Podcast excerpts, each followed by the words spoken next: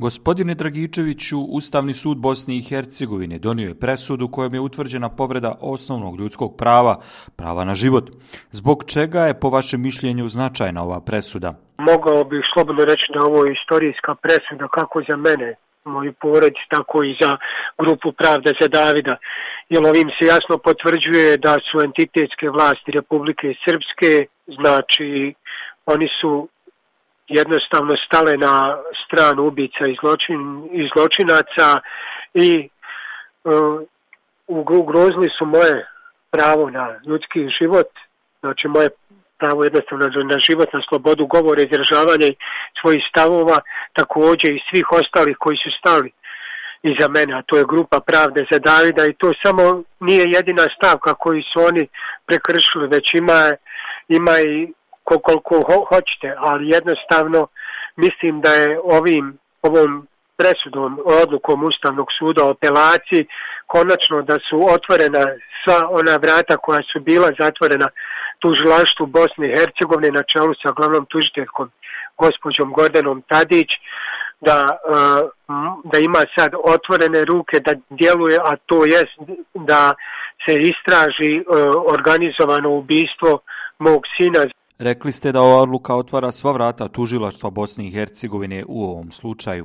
Na koji način i koliko odluka Ustavnog suda može ubrzati istragu i proces koji se vodi u slučaju ubistva vašeg sina? Naravno da može tako, zato što ova odluka Ustavnog suda je za, isto za, da su vlasti entitetske uh, da nisu u skladu sa, sa zakonom i sa svojim ovlaštenjima vodile istragu o e, ubistvu mog sina, Tužilaštvo Bosne i Hercegovine preuzelo je u aprilu predmete u slučaju Dragičević od okružnog javnog tužilaštva u Banja Luci i Republičkog javnog tužilaštva Republike Srpske.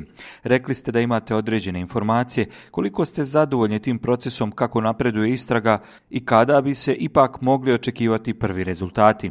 Više ne, nekih pojedinosti ne bi iznosio. Iznosio sam već preko već tri, tri više godine što se tiče E, tužilaštava u Banja Luci, entitetu i vidite e, šta je bilo i dokle to sve dovelo. Dovelo je do e, prijava protiv mene, prijava protiv grupe Pravda za Davida, mog nasilnog pretjerivanja iz Banja Luke, ta, također dovelo je i do mnogobrojnih sudskih procesa protiv pripadnika grupe Pravda za Davida, koji su stali samo za istinu i pravdu. Čime ste zapravo bili nezadovoljni kada je riječ o procesima koji su vođeni pred tužilaštvima u Republici Srpskoj? Pa nema čim nisam bio nezadovoljan.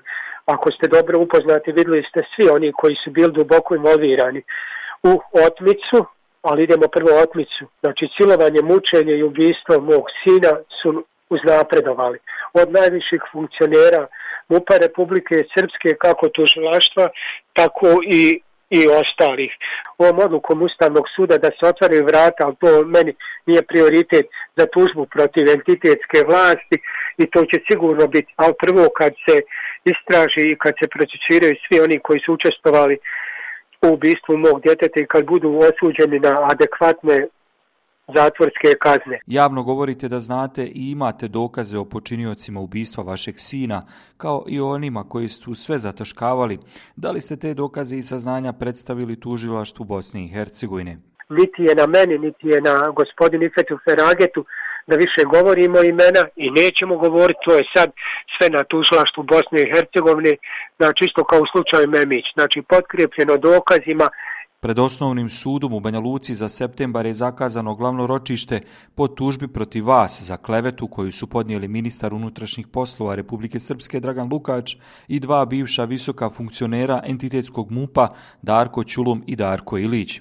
Njih ste optužili za zataškavanje ubistva vašeg sina. Šta očekujete od tog procesa? Pa mislim u septembru do tog procesa da, da neće doći, da će tužilaštvo Bosne i Hercegovine već do septembra e, iznijeti u javnost određene stvari i svoje akcije, tako da što se mene tiče mogu me tužiti koliko god hoće ili za duševnu bol ili za ili financijski nešto tražiti od mene, mene to ne interesuje, mene interesuje samo pravda za moje dijete konačno da bude, a šta će biti sa mnom, tako to, to, to apsolutno u ovom svemu nije, nije bitno, ali kao što je Petverajka rekao, za 15 dana i jedan i drugi predmet i Dženan Memić i David Drgičević se mogao završiti. Da je bilo, da je bilo moram naglasiti političke volje.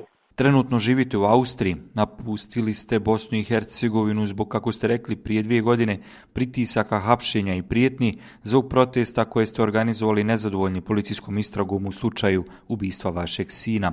Koliko je teško pratiti procese istrage pred tužilaštvima kada ste van zemlje i da li se sada osjećate sigurno da biste se mogli vratiti u Bosnu i Hercegovinu? Naravno da nisam siguran, ja nisam siguran dok sam nije niko od nas siguran, a što se tiče odavde pratim sve možda čak i bolje nego dole i dolazim do boljih informacija, tako da nisam uh, pod pritiskom ovdje mi sigurnost uopšte nije ugrožena. Koliko je važno, osim lične istine i pravde, i za Bosnu i Hercegovinu kao društvo u cjelini da se rasvijetli ubistvo Davida Dragičevića, ali i slučaj ubistva Dženana Memića?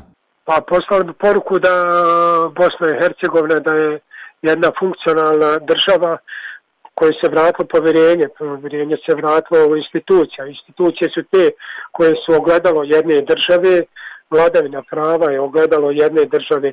Ja sam siguran, mogu vam reći, ukoliko se uh, uh, ova dva slučaja ne rasvijetlije da neće biti ni napretka kako ni entitetima, tako ni u državi Bosni i Hercegovini, niti evropskog puta, a samim rješavanjem ova dva slučaja građani, nadam se da ponovo mogu steći u povjerenje u institucije, e, da bi se građani ponovo mogli vratiti nekom normalnom životu i planirati svoj život. Jel ako, ako vi dozvolite da vam neko ubije djete i da se ti ljudi već na slobodi, evo već u slučaju u pet godina, u Banja Luci tri godine, ne možemo uopšte pričati ni o kakvoj ni slobodnoj, ni demokratskoj državi, ni o vladavni prava. A nažalost, Osjeću još da ovo, nažalost, nisu dva jedina slučaja. Imate i zadnji 10, 15, 20 godina koliko hoćete. U Banja Lucama imate od Visostanše Krunča, Nikole Đurovića, tako da ima i u Sarajevu i u Mostaru, Lana Bjedić, tako da, da mislim, mislim, mislim da je, da je krajnje vrijeme, uh, krajnje vrijeme da, da pokažemo snagu, hrabrost, svi zajedno i ni, ni nebitno, ja kažem, ni nacionalnost, ni partija, ni jednostavno, ako smo rođeni svi slobodni, jednaki pred zakonom, tako treba da ostanemo.